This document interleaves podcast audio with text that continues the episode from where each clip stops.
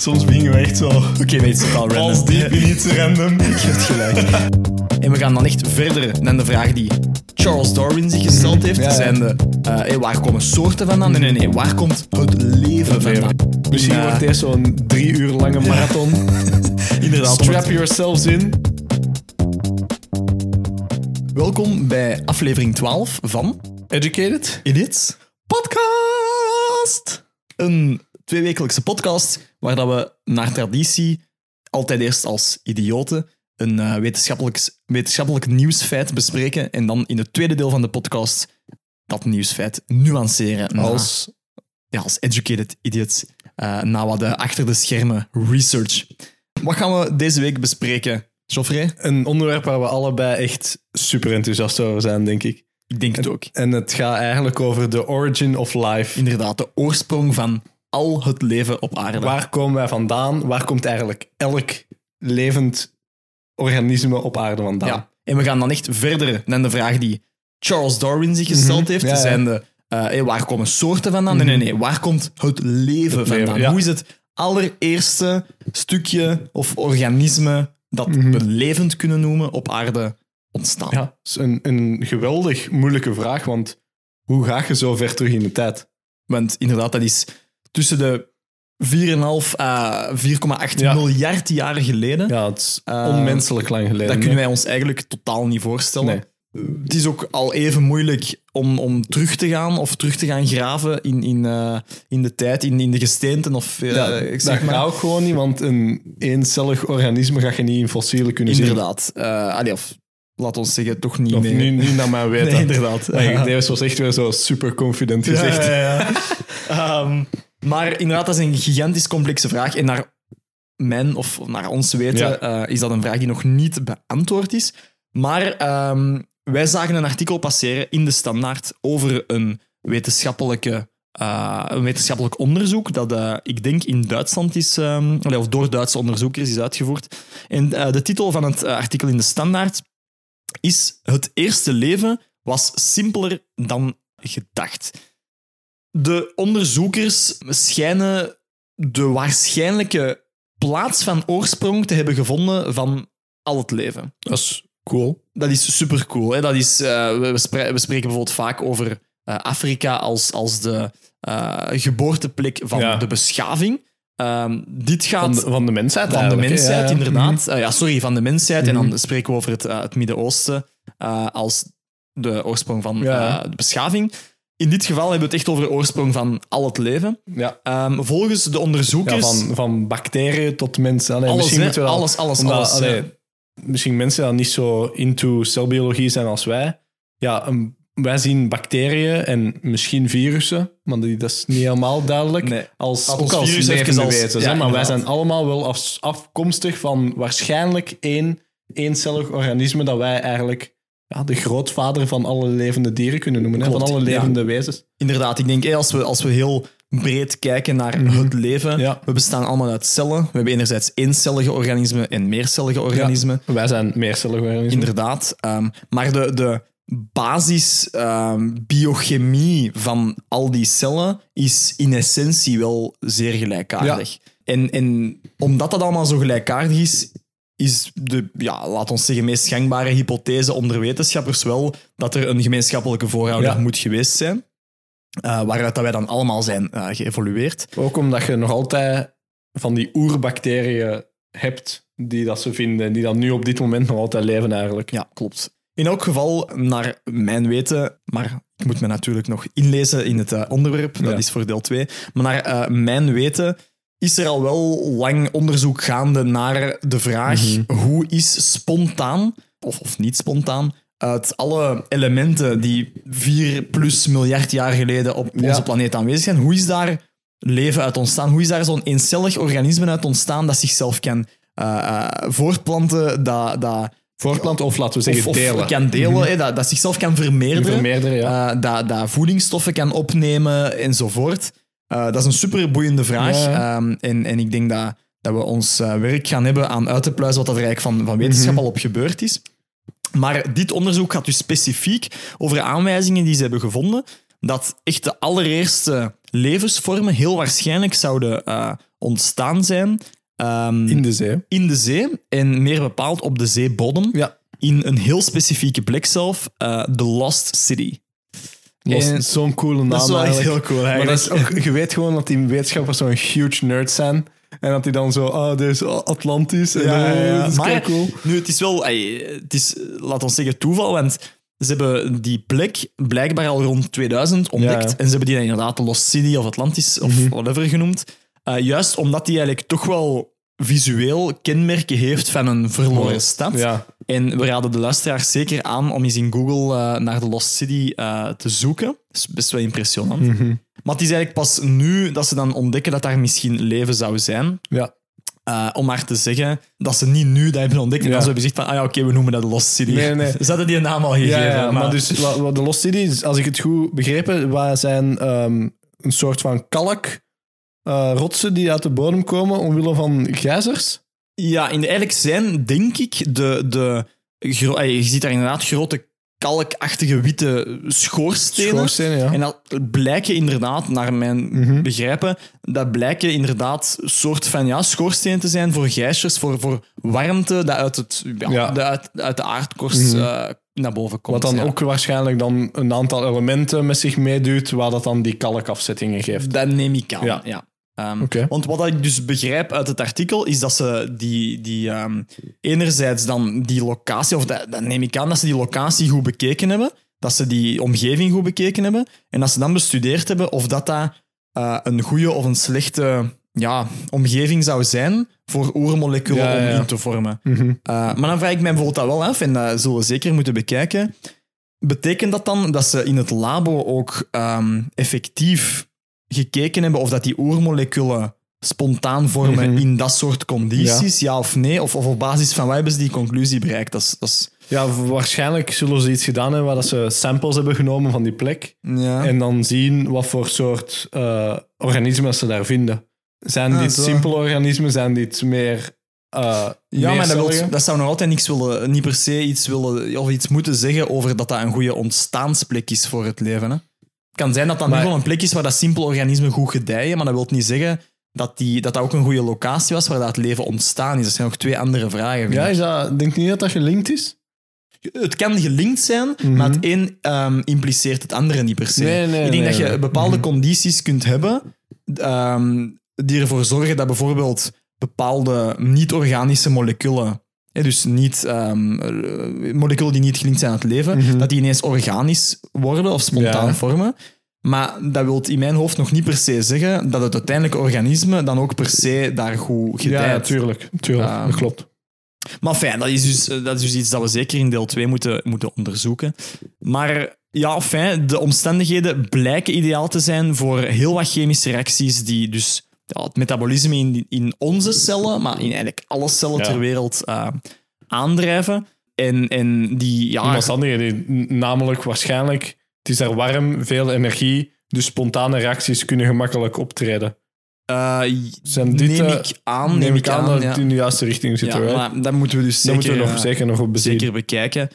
In elk geval leggen ze wel een hele duidelijke link tussen die omstandigheden en echt de basisbouwblokken van het leven. ehm, DNA, RNA. Ja, want zij gaan er dan ook vanuit dat het leven begonnen is echt bij oftewel DNA oftewel RNA.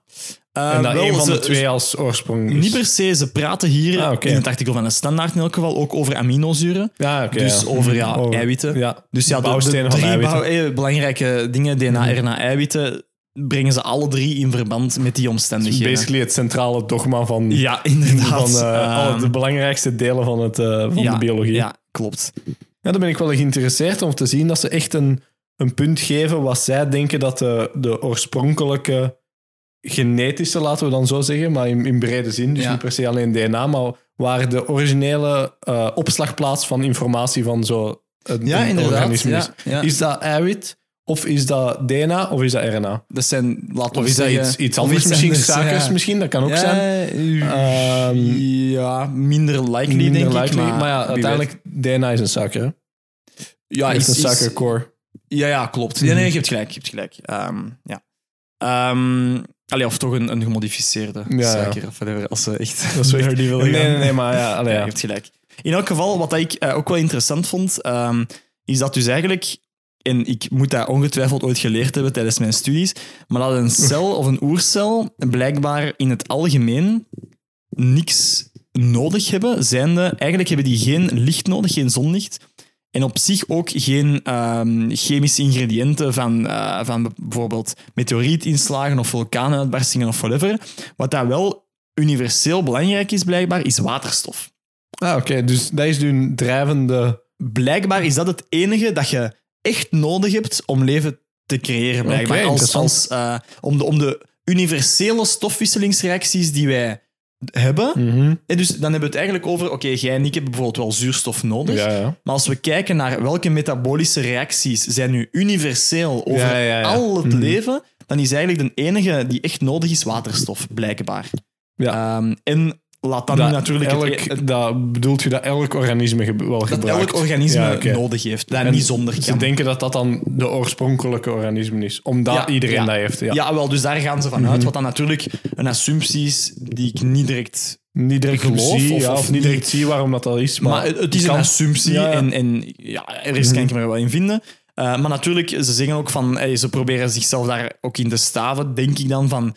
Omdat het zo diep onder water is, zullen ze al wel zeggen van ja... Het, leven heeft geen licht in principe nodig. Nee, nee, nee, inderdaad. Wat op zich voor mij enigszins niet intuïtief aanvoelt, omdat ik altijd dacht van oké, leven heeft water nodig, maar ook wel de energie van de zon bijvoorbeeld. Ja, maar energie van de zon heb je al, heb je al een fotosynthetisch mechanisme nodig om energie te kunnen dat is opwekken. al vrij complex, Wat een heel ja. complexe Ja. organellen zijn, kleine orgaantjes van een Ja. cellen, laten we zeggen.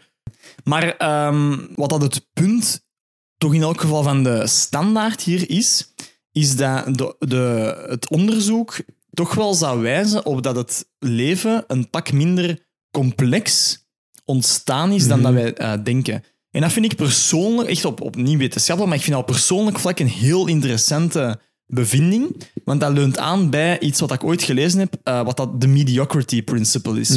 En eh, wat dat eigenlijk ruwweg wil zeggen, is als dat effectief zo blijkt, dat bijvoorbeeld die omstandigheden in onze diepe zee zo gunstig zijn, dat leven bijna spontaan ontstaan is, dan wil dat eigenlijk zeggen dat de assumptie die wij heel vaak hebben, dat het ontstaan van leven een hele unieke en zeldzame gebeurtenis is, dat die niet per se klopt. Want als die omstandigheden zo, ehm eh, laat ons zeggen, alomtegenwoordig of uniek, of, of eh, sorry, perfect zijn voor leven te creëren, ja, dan, dan zegt ons dat ook wel iets over ehm, hoe makkelijk dat misschien leven op andere, Andere planeten. planeten, ja, eh. tuurlijk. Dus ik, ik trek die link dan direct door van inderdaad, ah, als het leven zo eenvoudig vormt of gevormd is, wat zegt ons dat dan eigenlijk over de Ja, rest van het universum? Zeg, zegt dat iets over dat leven eenvoudig gevormd is, of zegt dat iets over dat leven eenvoudig was? Allee, ik kan me voorstellen dat bijvoorbeeld zo een... Laten we zeggen dat het dan ontstaan is... Laten we het artikel voor en zeggen dat het ontstaan is bij die gijzers. Ja, Ik kan me voorstellen dat niet per se elke planeet of heel veel planeten misschien die juiste omstandigheden hebben. Waar dat u... Ah, ja, ja, zo, dus dan is het de vraag inderdaad nog van hoe uniek zijn de omstandigheden. Ja, tuurlijk. Maar Maar het is ook wel interessant om te kijken dat gez- gezien deze set van omstandigheden Mhm. bijvoorbeeld, het ontstaan van het leven niet zo gek was. Nee, maar dat is ook natuurlijk de vraag van, als we het dan verder trekken naar eh buitenaards leven, laten Ja, we zeggen. ja.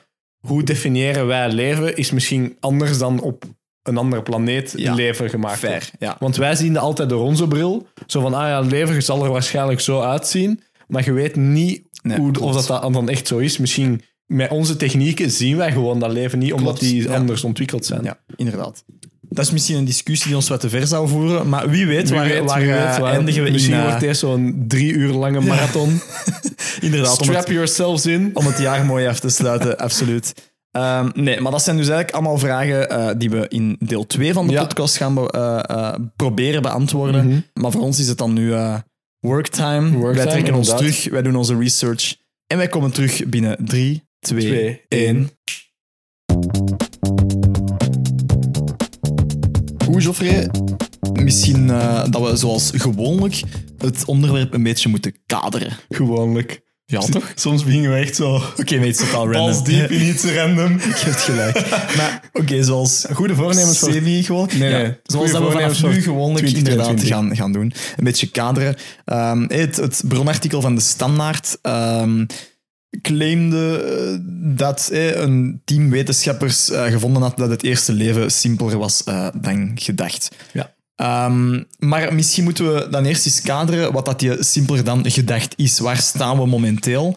Ehm, en, en hoe ver of, of ja, hoe moeten we dat onderzoek rond het eerste leven zien? Ja, dat, dat is natuurlijk een hele brede vraag. Hè. Als we het onderzoek rond het eerste leven willen bespreken, dan hebben we het over abiogenese. Of in het enkel Engels, als je het in het Engels wilt opzoeken, abiogenesis. Ja. En dat is echt een, een super ruim thema.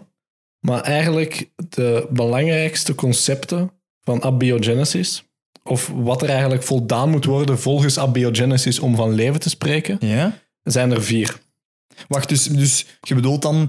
eh, dus met abiogenese bedoelen we dan de studie, of, of het concept Ja. waarbij dat, eh laat ons zeggen, leven zoals wij het kennen op aarde ontstaat vanuit Niet orgaan- ja, vanuit niet levende moleculen. Ja, niet levende moleculen, Ja, inderdaad. Niet organische moleculen. En uiteindelijk geeft dat een levend organisme, Ja. eh, volgens hun definitie dan. En er zijn een aantal eigenschappen waarom dat moet voldaan worden. Eh, ten eerste, dat, dat, dat moleculen of dat, dat levend wezen moet, niet geen moleculen, dat levend wezen moet in staat zijn tot zelfreplicatie. Ja? Eh, dat moet in staat zijn tot zelfassemblage. ja, dus dat wil zeggen dat het zichzelf kan Samenstellen. samenstellen Ja. ja. Ehm, dat moet in staat zijn tot autocatalysis. Autocatalyse wil zeggen dat zijn processen hemzelf in leven houdt eigenlijk. Ja. Dus, en dat- dat die processen, de volgende processen dan ook activeren en eh, katalyseren. En er moet iets zijn dat dat, dat, dat wezen omringt, een soort van ja, celmembraan, laten we het dan nu noemen. Oké, en dus- eigenlijk een soort van zakje waar het in zit. Dus eigenlijk om, om dat al samen te vatten, dus ehm, abiogenese, studie van de oorsprong van het leven, ehm, waarbij dat de voornaamste hè, werkhypothese is dat, dat niet van de ene dag op de andere plots er ineens een levende nee, nee. cel was, maar dat er eigenlijk inderdaad een soort van evolutionair proces was, waarbij dat stapgewijs eh, de moleculen of de proces waarover dat we het hebben, eigenlijk inderdaad die vier eigenschappen Mhm. Ja, gewoon het, begonnen te stapgewijs krijgen. het, het leven complexer werd. Inderdaad, ja. Eh, allee, of, of die moleculen, die processen complexer werden, Mhm. totdat we eigenlijk, totdat die werden tot wat dat wij nu benoemen met het leven. Leven, ja, Want inderdaad. dat, dat moeten we misschien ook wel even zeggen, niet zo'n gemakkelijke definities eh, om daar, te geven. daar- maar daar zullen we het, eh, het straks nog over hebben, Ja. als we het over de paper hebben. En ik denk, als we dan in de geschiedenis kijken van die abiogenese, eh, zijn van dat er- onderzoek. van het onderzoek in de abiogenese, eh, is dat eigenlijk hoe, hoe dat het moderne abiogenese, misschien laten we het zeggen, eh, begonnen rond het jaar 1920. Mhm. Eh, dan zijn er namelijk twee belangrijke wetenschappers daarin. De Brit ehm, GBS Haldane en de Rus Alexander Oparin. En die hebben eigenlijk onafhankelijk van elkaar een soort van ehm, theorie bedacht hoe dat het eerste leven eruit gezien moet hebben. Eh, en zij, hun theorie was dat organische moleculen gevormd zijn, en, gevormd zijn uit niet-biologisch materiaal in aanwezig van uitwendige energiebron, bijvoorbeeld UV-licht. Dus, ehm, want misschien ook even kaderen voor de luisteraars, wiens biologie al wat verder zit, of wiens chemie al wat verder zit. Organische moleculen, daarmee bedoelen we in dit geval moleculen die koolstofhoudend Ja. zijn. Hè? Ja, oké. En dus hun, hun, hun voorspelling was dat die spontaan vormen Ja. uit... Eh, wel, niet echt spontaan. Er is een soort van energiebron nodig, namelijk, en zij eh, denken UV-licht. Straling. UV-licht, ja. En uit wat straling. vormen die dan? Uit niet-organische... Uit niet-organische, ja. zoals bijvoorbeeld ook waterstofgas, eh, ammonia eh, en an- allerlei. Ja, dus zij dachten inderdaad, eh, gooi allemaal anorganische Ja. moleculen samen, geef een soort van externe trigger, Ja. UV-straling of iets anders. En je gaat En er kan, ja, dan eh, niet spontaan, maar er kan daaruit organische, complexe organische moleculen die dan bestaan, ja. inderdaad misschien gaandeweg eh, onze vier Ja, ja, eigenschappen krijgen die dan tot leven Ja, leiden. Want zij denken dat het eerste leven, ehm, en dat is misschien wel belangrijk, heterotroof was. En misschien moeten we ook duidelijk maken wat het verschil is tussen heterotroof en autotroof. Eh, met heterotroof wordt er bedoeld dat die ehm, andere moleculen moeten allee, opnemen om hun eigen energie aan te maken. Ja, dus dat die afhankelijk zijn Afhankelijk van, zijn van, ja, van zeggen, voedingsstoffen. Net zoals wij eten moeten hebben om Ja. ons lichaam draaiend te houden, zullen die ook een bepaalde energiebron moeten opnemen om hun cel, om hun allee, origin of life Ja. vorm dan draaiend te houden. Ehm, en dan komen we eigenlijk bij het Miller, en dan weet ik niet, Urey? Ja, Miller-Urey Experiment. Urey, Dat is al in 1952. Eh, dat, eh, dat is uitgevoerd door Stanley Miller. Oh, excuseer. Stanley Miller en eh, Harold Urey. Of Urey. Al men die namen altijd. Ehm, en die zijn eigenlijk gestart vanuit die twee wetenschappers die Ja. jij ehm, net opgenoemd hebt, die dus die hypothese hadden van oké, ja, als we al die oersoep, zoals dat ze dat dan noemen, Ja. al die ja, elementen die eh, aanwezig waren in de vroege aarde. Want eh, la- laten we dat misschien ook even kaderen, want Ja, vroege aarde. vroege aarde is niet zo 200 jaar Nee, nee, nee, geleden. we vroege aarde is echt over, Ja. ik had hier genoteerd, is het over, ah ja, eh 3,5 miljard jaar geleden ongeveer, Ja, gevonden. of, of ouder. Hè? Dus Of ouder zelfs. Om, om eh, dat in, in perspectief te brengen, de aarde wordt geschat op ongeveer 4,54 miljard jaar oud. Ehm, de Big Bang is ongeveer 14 miljard jaar geleden, dus ook Mhm. om dat in perspectief eh, te brengen. Eh, maar dus de aarde zelf 4,5 miljard jaar oud. En dan inderdaad, de eerste sporen van leven zijn ongeveer Ja. vanaf 3,5, sommige schattingen zeggen ook 3,9 Mhm. miljard jaar geleden. En ehm, een bovengrens daarvan kun je zelfs plaatsen op 4,3 miljard jaar Ja, geleden. samen omdat met de oceanen. Inderdaad, omdat dan het eerste water Mhm. op, het eh, op aarde begon. Dus dat is een beetje het eerste moment waarop dat leven zo gezegd zou... zou zijn. Ja, En misschien, allee, het is eigenlijk een hele simpele rekensformule, maar vaak allee, ik heb het nog, nog moeilijk om zo 3,5 miljard jaar geleden te schatten hoe lang dat, dat is. ja. Maar als je dat uitdrukt in mensenlevens, Mhm. dus in de huidige mensen, als we kijken, nu worden we ongeveer 80 ja. jaar oud. Ja. Dan heb je, dat zijn 43, bijna 44 miljoen mensenlevens geleden. Damn. Ja, dat is iets vatbaar. Dat is iets gevatbaarder. hè? Allee, je weet ongeveer hoe lang dat een jaar duurt. Laat staan een mensenleven. Dat is er 43 miljoen, of bijna zelfs 44 miljoen van die levens. Ja, oké. Ehm, maar dus in elk geval, ehm, we hebben het inderdaad over een periode tussen 3,9 en 4,3 Ja. miljard, of eh, 3,5 en 4,3 miljard jaar geleden. Daar ergens hadden we dus de aarde, waar dat een zogenaamde oersoep was. Ja. Wat bedoelen we daarmee? De aarde was toen, er was nog geen leven, geen vegetatie. Eh, maar er waren natuurlijk al wel bepaalde componenten Ja. in de lucht. Eh, en in 1952 hadden ze een bepaald idee van welk materiaal dat er in die lucht zat. En wat er in de zee zat enzovoort. Ehm, en ze hebben echt gewoon in het labo getest. hè, die, ze hebben die hypothese getest van als we al die oude componenten samengooien en we geven die een trigger, een soort van ja, energieimpuls, wat gebeurt er dan? En dus wat hebben ze specifiek gedaan? Heel simpel, ze hebben een labo-opstelling in een soort van ja, eh, afgesloten glazen constructie gedaan, waarbij dat ze dus in één kamertje ehm, al die gascomponenten hadden. Eh, ze voegden daar dan eigenlijk eh, verdampt water aan toe. En ehm, met een bepaalde regelmaat gaven ze dat elektrische shocks, omdat Miller en eh, geloofden dat een energie-input van bliksem zou kunnen zijn. Hè? Omdat toen gedacht werd dat er eigenlijk heel veel bliksem moet zijn geweest in de vroege stadia van, van de aarde. Ehm, en dan hebben ze gewoon gekeken van oké, goed, we laten dat experiment even lopen. We laten eh, die bliksemschichten, die zogezegde bliksemschichten, eh, gaan. En dan hebben ze na een week gekeken en dan zagen ze dat er dus ehm, bepaalde bouwblokken van het leven gewoon gevormd werden uit die eh, Oersoep. oersoep. En dat is eigenlijk, ja, dat was toen een, een fenomenale vondst. In de zin van, dat was redelijk hard bewijs dat het de facto mogelijk is om uit anorganisch materiaal eh, organisch materiaal te maken. En nog verder eigenlijk eh, echt de bouwblokken van het leven zoals dat Ja. wij het nu kennen op aarde. En ja, ook wel belangrijk, daar ook misschien om toe te voegen. Het is niet zomaar van een één complex moleculen naar een ander complex moleculen. Het is van hele simpele basismoleculen die op de aarde aanwezig waren. Zelfs eigenlijk ja, sommige gassen die daar zeker geen ingewikkelde molecuulstructuur hebben, naar toch wel redelijk uitgebreide aminozuurstructuren, als ik het goed begreep. Ja, klopt inderdaad. Dus ehm, ze hebben daar eh, ja, eigenlijk eh, ehm, bepaalde componenten ge- gedetecteerd dan. Ehm, welke componenten juist, dat moeten we ook weer even een stap terug eh, zetten. De, de bouwblokken van het leven hè, kun je eigenlijk in vier categorieën indelen. Ja. Je hebt eh, lipiden, hè, dat kennen we als vetten. Eh, koolhydraten, dat kennen we als suikers. Ehm, aminozuren, dat kennen we als eiwitten. Ja. En dan ook nog de nucleïnezuren, dat is DNA en RNA. Genetisch En in dat- materiaal. Inderdaad. En in dat Miller-experiment hebben ze eigenlijk alles kunnen terugvinden buiten DNA en RNA. Wat echt al super cool is voor in de jaren Onwaarschijnlijk 50. cool is, ja, inderdaad. Maar zij gebruikten dan ele- elektriciteit als hun, Ja. als hun energiebron. In Ja. tegenstelling tot wat de theorie dan ervoor was, tot, tot UV-licht. om die UV-straling, middelen. ja, inderdaad. Interessant. Voilà. Ja, niks meer op toe te voegen. Eh, en dan gaan we eigenlijk ja, verder in de tijd. ja. Ehm, waarbij dat, dat Miller-experiment wel vaak herhaald is geweest en ook bevestigd is geweest. Hè. Dus eh, waarbij dat ze wel keer na keer zien dat het inderdaad mogelijk is om organische moleculen te vormen.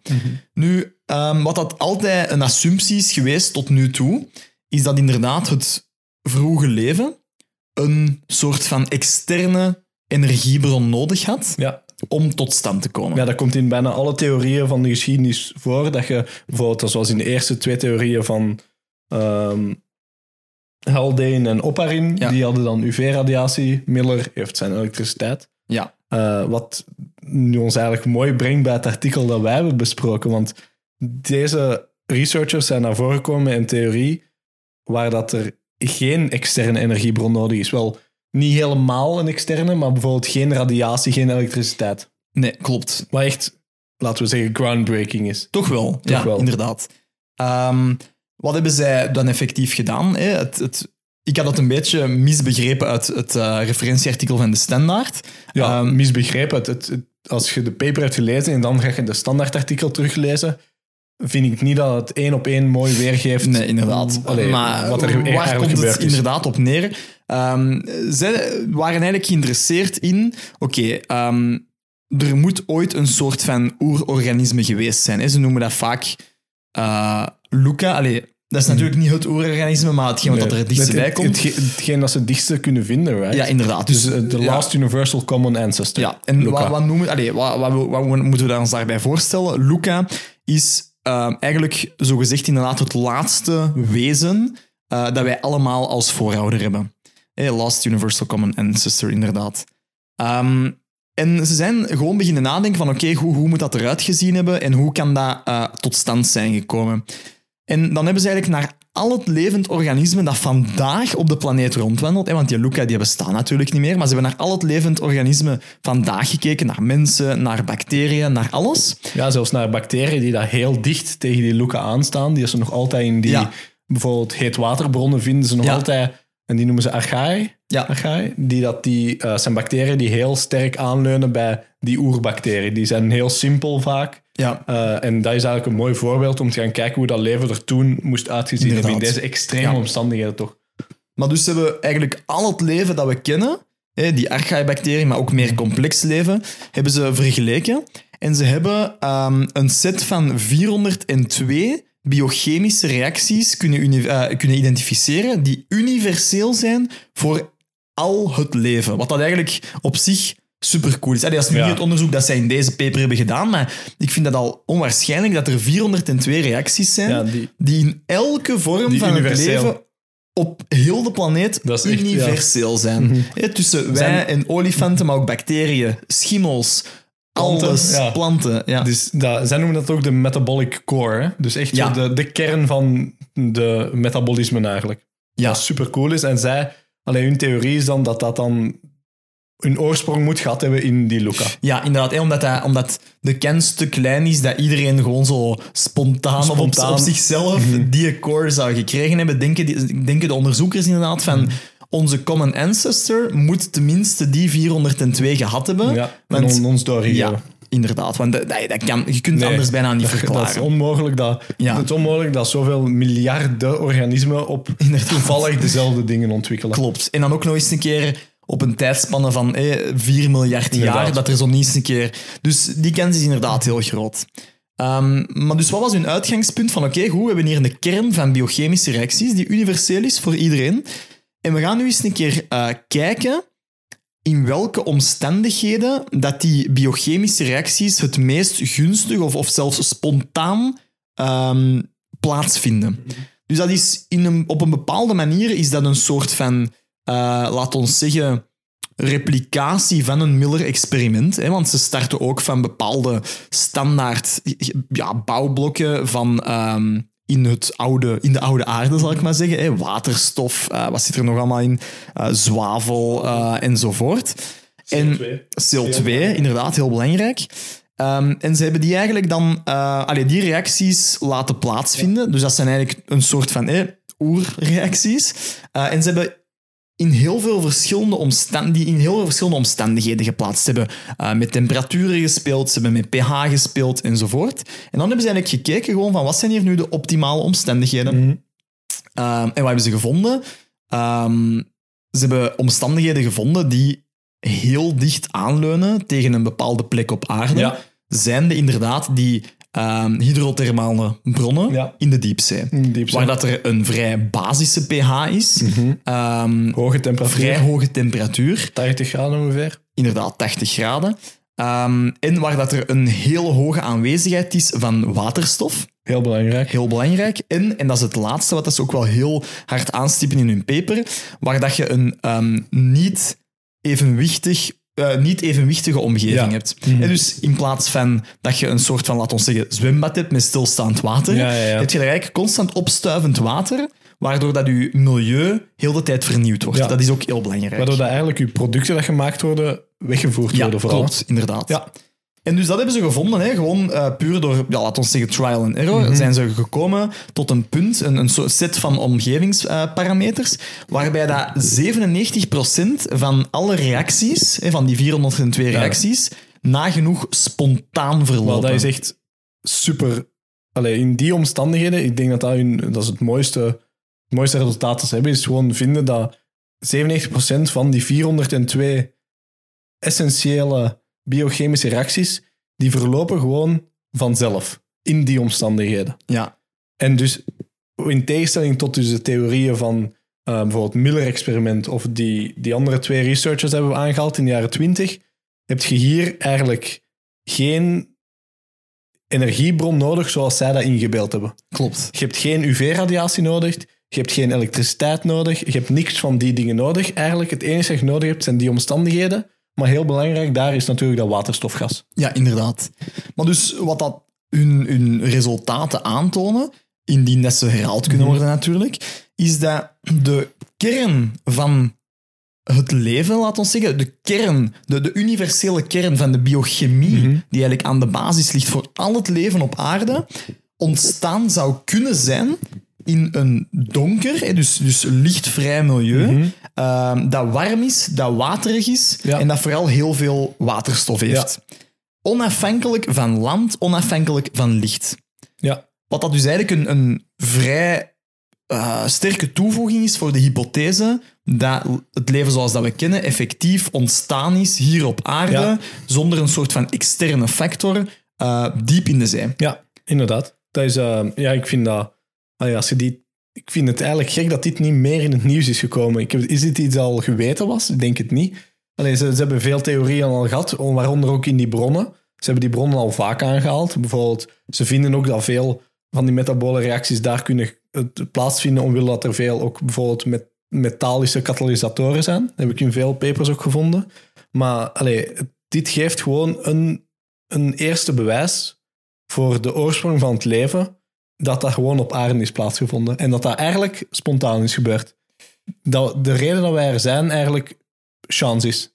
Wel, ik, ik, goh, ik denk hoe dat ik de, de paper interpreteer, is, is ehm, Wat- eerder ja. eh, dat eh, de, de paper bewijst, of, of bewijst toch tot op zekere hoogte, dat de omstandigheden op aarde Ja, ja. in elk geval gunstig genoeg zijn Ja, om leven spontaan te doen ontstaan. Ja, want ik, allee, ik moet mezelf wel nuan- nuanceren ook.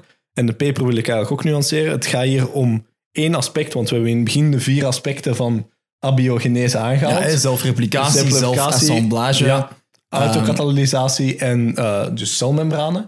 Hier hebben we het over de autokatalysatie. En enkel dat. En hè? enkel dat. En eigenlijk zelfs niet de volledige autokatalysatie. Want ze hebben aangetoond dat je alle belangrijke bouwblokken kunt aanmaken in dat. Of, of zeven- laten we zeggen bijna alles, want het is 97%. Ja. Dus bijna alles kan aangemaakt worden. Maar alles kan aangemaakt worden in een enkelvoudige eh, in een enkelvoudig moleculen. En wat bedoel ik daarmee? Veel van onze biomoleculen, laten we zeggen eiwitten, DNA, die zijn allemaal ontstaan uit vele ehm, enkelvoudige moleculen naast elkaar. Een soort van heel repetitieve ketting, sequentie, een Ja. ketting. Een ketting van, van bouwblokken. Ja, en daar haalt de paper ook wel aan dat ze daar geen rekening mee houden. Maar ik vind dat toch wel belangrijk om nog eens te nuanceren dat je, het gaat puur om alleen om die eh, monomeren, om enkelvoudige bouwblokken. Ja, maar ehm, inderdaad, dat is, dat is een belangrijke nuance. Maar gevoelsmatig vind ik het... hé, als je nu echt zou moeten zeggen, wat is het moment waarop leven ontstaat met de kennis dat we nu hebben, vind ik het ontstaan van de bouwblokken een groter event dan het aan elkaar plakken van die bouwblokken. Ja, ik heb het dan moeilijk om daarmee akkoord te zijn, omdat allee, het, het bestaat natuurlijk... Dit brengt ons nou, misschien naar een interessant punt, is wat definieert je als leven? En ik denk dat de definitie volgens NASA vind ik persoonlijk wel echt een fantastische definitie. En die gaat, eh, de definitie volgens NASA, ik ga het in het Engels doen, is life is a self-sustaining chemical system capable of Darwinian evolution. Dus als je de definitie volgens Na- NASA volgt, dan heeft er een vorm van evolutie nodig. Dan heb je een vorm van genetisch materiaal nodig, zodat je je systeem evolueert naar een, laten we zeggen, een optimaal systeem voor de omgeving. En gewoon al die bouwblokken hebben, geeft nog geen genetisch systeem, geeft nog geen levend organisme. Geeft nog geen zelfreplikerend systeem, inderdaad. Inderdaad. Ja, klopt. Um, dus dat doet mij nog allee, een Nee, beetje twijfelachtig zijn. Anderzijds, en dat vind ik ook heel belangrijk om te vermelden, en ik vind het eigenlijk gek dat de paper dit niet vermeld heeft, want het, het helpt hun theorie eigenlijk, is het feit dat bijvoorbeeld een, een heel essentieel bouwblok, bijvoorbeeld RNA, Ja? Die kan, dat kan spontaan gevormd worden in deze plekken dat zij onderzocht hebben. Een andere paper toont aan hoe dat RNA, dus eigenlijk een soort van genetisch bouwblok, laten we zeggen, gewoon spontaan gevormd kan worden uit zijn individuele bouwblokken in deze plekken. Wat dus wel hun paper helpt in de zin van, kijk, het is mogelijk om in deze plekken niet alleen de bouwblokken te maken, maar ook het zelfreplikerend en eigenlijk de genetische background hebben Ja. van een systeem dat je nodig Oké, hebt. goed. Dus inderdaad, laat ons dan de, fine, hè, de, de resultaten van deze paper samengooien met wat dat al geweten Mhm. is. Eigenlijk zeggen ze hier gewoon, oké, goed, wat dat al geweten was, is dat die, die hydrothermale bronnen gunstig zijn. Ja, Nu weten we eigenlijk van, oké, ze zijn heel gunstig. En bovendien hebben we geen externe factor Ja. nodig. En, en wat ik eigenlijk een hele mooie conclusie vind, is dat zij schreven er is dat eh, de energie om dit metabolisme draaiend te houden, zit in het metabolisme zelf. Ja, Dat vind ik een hele mooie definitie. Het, het geeft weer hoe simpel dat. En je moet het soms niet te ver zoeken. Het is gewoon. Het, het, je hebt geen veel ener- externe energie nodig. Het zit gewoon in de reacties zelf. ja. Ehm, en dat is ook iets wat ik denk dat dan het artikel fout heeft geïnterpre- geïnterpreteerd. van de standaard. De je, het- kop van het artikel zegt: ehm, het leven is eenvoudiger dan. Of het leven ja. is Het ontstaan het leven was simpeler dan gedacht. Exact, die. En dit be- bewijst niet dat het, ontstaan van het leven simpeler is. Het bewijst gewoon dat je andere bouwblokken nodig hebt of andere condities dan dat men eigenlijk origineel dacht. Hoe dat ik dat interpreteer, maar nu gaan we een beetje ehm, van feiten naar meningen. Oké. Hoe dat ik het interpreteer, is dat het ontstaan van leven, of van processen die wij benoemen als leven, ehm, minder uniek of speciaal zijn dan dat we gedacht hadden. In de zin van, wat dat dit artikel eigenlijk wil zeggen, is de fundamentele processen aan de basis van het leven verlopen in de juiste condities nagenoeg spontaan. Ja. En wat dat voor mij wil zeggen, is dat eigenlijk het ontstaan van leven toch iets minder Speciaal. speciaal of een minder grote zeldzaamheid kan zijn dan dat wij tot nu toe gedacht Ja, hebben. tuurlijk. Want inderdaad, als je zegt een externe factor, dat is... Eigenlijk zeg je dan, er is bovenop alle andere condities nog een extra randvoorwaarde nodig voor dat leven kan ontstaan.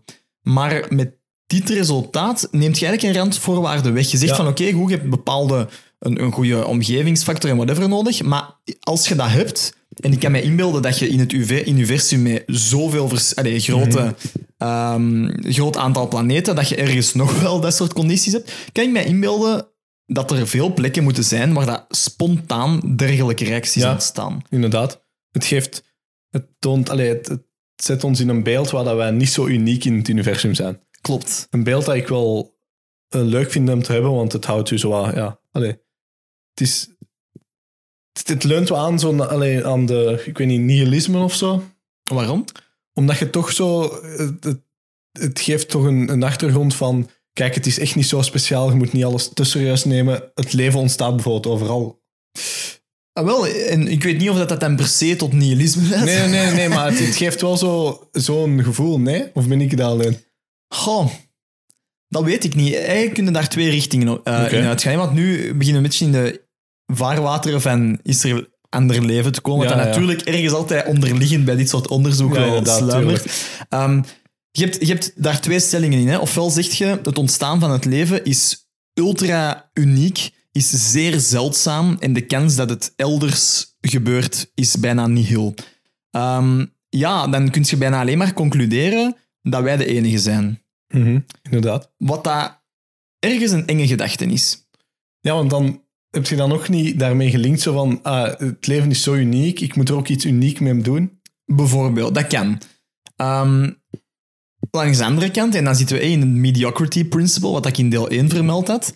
Eh, Het leven is, laat ons zeggen, maat, allez, matig. Nee, het leven is, is bijvoorbeeld eh, alomtegenwoordig en ontstaat spontaan overal. Dat wil zeggen dat we heelal eigenlijk vol zit en dat wij eigenlijk niet zo speciaal zijn en eigenlijk maar één van de zoveel Ja, ja. schepsels zijn. Dat vind ik ergens ook een enge gedachte. En ik denk dat, dat eigenlijk, en dat is een quote van een bepaalde auteur van vorige eeuw, there are two possibilities, either we're alone in the universe or we're not. Ja. En Is dat niet both van are equally scary. Carl Sagan? Mm, dat denk ik niet. Nee, alright. Maar enfin, dat kunnen we Fact-checken. erin steken. en dat, ik vind dat ook effectief, dat die allebei even eng zijn. Ja, tuurlijk. Ehm, Want het, het, het, als je, stel je voor dat er superveel leven is, is het idee van hoe ziet dat eruit, hoe geavanceerd zijn die. ja, Is hoe gaan die mee contact mogelijk? omgaan? Hè? Mhm. Eh, inderdaad. En dat brengt Ehm. ons ook dan eh, foutloos richting zo het boek dat jij over het laatst hebt gelezen en dat ik ook heb gelezen, The Three Body Problem. Ah, ja, inderdaad. Die dat je een super science fiction boek wilt lezen, is dat echt een aanrader over eigenlijk het eerste contact van de, de mensheid met aliens. Hè? Ja, basically. Ja. En het is van ja, Chinese auteur. Ja. Three Body Problem. Ja, echt een aanrader. Maar ehm, dat terzijde, ehm denk ik eh, dat, we, dat we misschien ook nog wel, eh, want we zijn nu heel erg bezig over het ontstaan van het leven op een planeet. Ehm, ik denk dat we dan ook nog kort even moeten hebben over de alternatieve hypothese, Ah, ja, die eigenlijk de eh, ja, context van dit onderzoek over de origin of life ook wel vaak aangehaald wordt, en dat is die van de panspermia. Ja, en allee, ik, ik vind dat het zo wel goed past binnen ons idee van dat we achter onze podcast hebben, is altijd met een open gedachte naar iets kijken van is dit, is dit een theorie, is dit de theorie, kunnen hier nog andere theorieën over zijn? Ik denk dat het heel belangrijk is om dan, zoals gezegd, die panspermia even aan te halen. En wat is panspermia nu? Wel, panspermia is het idee dat het leven op aarde afkomstig is van een andere planeet. Ja. En dat dat hier beland is door middel van kometen, door middel van space dust, door whoever manier. Eh, en panspermia in, in theorie, of in, in, de nauwe, in de strikte zin van het woord, is eigenlijk al vaak verworpen geweest en was toch door eh, wetenschappers alleen niet zo heel serieus genomen. Mhm. Maar er is een theorie die dat daar eigenlijk nauw bij aanleunt, die dat ze pseudopanspermia noemt en die dat toch wel ehm, meer mogelijk is. En dat is de theorie van dat niet de organismen hier Mhm. geland zijn, maar bijvoorbeeld diezelfde organische bouwblokken die dat we in de paper hebben aangehaald, of die we in het eerdere deel van deze Ja. podcast hebben aangehaald. En dat vind ik wel een Dus de, interessant... de bouwblokken voorleven, maar niet het leven zelf. Ja, inderdaad. De bouwblokken voorleven, maar niet het leven zelf, die, dat die hier via kometen of space dust zijn geland. En die theorie, daar zit wel wat... ehm, het is nog altijd een theorie natuurlijk. Allee, dit is heel moeilijk om te bewijzen. Maar een aantal bewijsstukken, zal ik nu zeggen tussen aanhalingstekens, die ze hebben, is dat ze bijvoorbeeld op kometen heel veel complexe organische moleculen vinden. En bijvoorbeeld ook in space dust, dus een soort van... Ja, ik weet niet hoe ik space dust verder moet omschrijven dan space stof. Aha. Daar vinden ze bijvoorbeeld ook al allerlei complexe moleculen. En eh, een belangrijke is bijvoorbeeld, laten we het hebben over uracil. Mhm. is een van de bouwblokken van RNA. Ja. Eh, wat toch al een, een heel ehm, complex molecuul is, hebben ze gewoon al gevonden op een komeet. En er zijn ook een periode geweest in het bestaan van de aarde waar dat er allee, elk jaar wel duizenden en miljoenen kometen op onze aarde geland zijn, die dat dus eigenlijk de, een bron kunnen geweest zijn, een kunnen zaadje geven, kunnen ja. geweest zijn voor deze complexe organische moleculen. Ehm, ik weet niet dat die theorie klopt. Ik weet niet Nee, dat iemand dat weet, maar ik vind het toch wel belangrijk om een extra theorie mee te geven als je mij een open blik hierop wilt Ja. kijken. Ja, ja, ja. Het kan natuurlijk een, een combinatie zijn van, Tuurlijk. van beide. Hè. Het kan zijn dat, en dat steunt dan nog meer eigenlijk bij de alomtegenwoordigheid van het leven, dat die bouwblokken en via meteorieten zijn gekomen en dan ook nog eens op aarde zijn ontstaan. Hè. Want natuurlijk, als die op meteorieten eh, staan, ergens verlicht dat een beetje ook het vraagstuk. Ehm, want ja, van waar komen die bouwblokken dan? Zijn die op die meteorieten ontstaan? Ja, ja. Komen die van een andere planeet en zijn Ja. dan... Hè? Dus ik denk dat dat alleen maar meer wijst richting het gevoel dat ik heb dat de bouwblokken alleszins, misschien niet per se het leven, maar de bouwblokken van het leven alomtegenwoordig Dat zijn. dat het zaadje is dat je nodig hebt om leven te creëren. Ja, inderdaad. Dat kan goed zijn. En het is, allee, het is ook misschien wel belangrijk om hierbij te zeggen dat het kan zijn dat er meerdere events zijn geweest, natuurlijk. Het kan zijn dat leven is ontstaan in deze eh, geothermic vents waar we het over hebben. Ja. Die grote gijzers onder, eh, onder de zee. Het kan ook zijn dat het afkomstig is van die pseudopanspermia.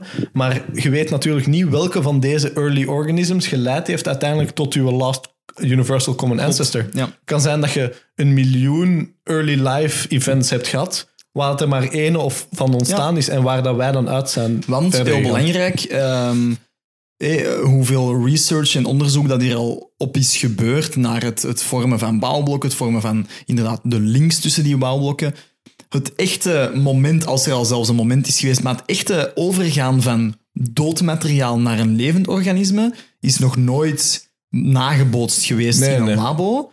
Dus inderdaad, misschien moeten we gaan naar een soort van theorie waarbij dat er heel veel zaadjes geplant Mhm. zijn, maar zoals dat jij aangeeft, er maar ene keer Ja, echt leven is gekomen uit, uit die zaadjes. Mhm. Ja. Dat, dat misschien de, de bouwblokken alomtegenwoordig zijn, maar om daar dan echt leven uit te Ja. Mhm. krijgen, dat dat misschien toch nog heel zeldzaam is. En dat zal de toekomst moeten uitwijzen hoe zeldzaam dat, dat juist is. inderdaad. En dat is dan stof voor een volgende episode, denk ik. Exact. Als we in de toekomst zijn. Ja, voilà.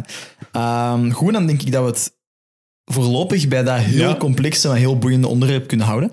Ja, dan zien jullie binnen twee weken terug. Yes, Educated Idiots. out.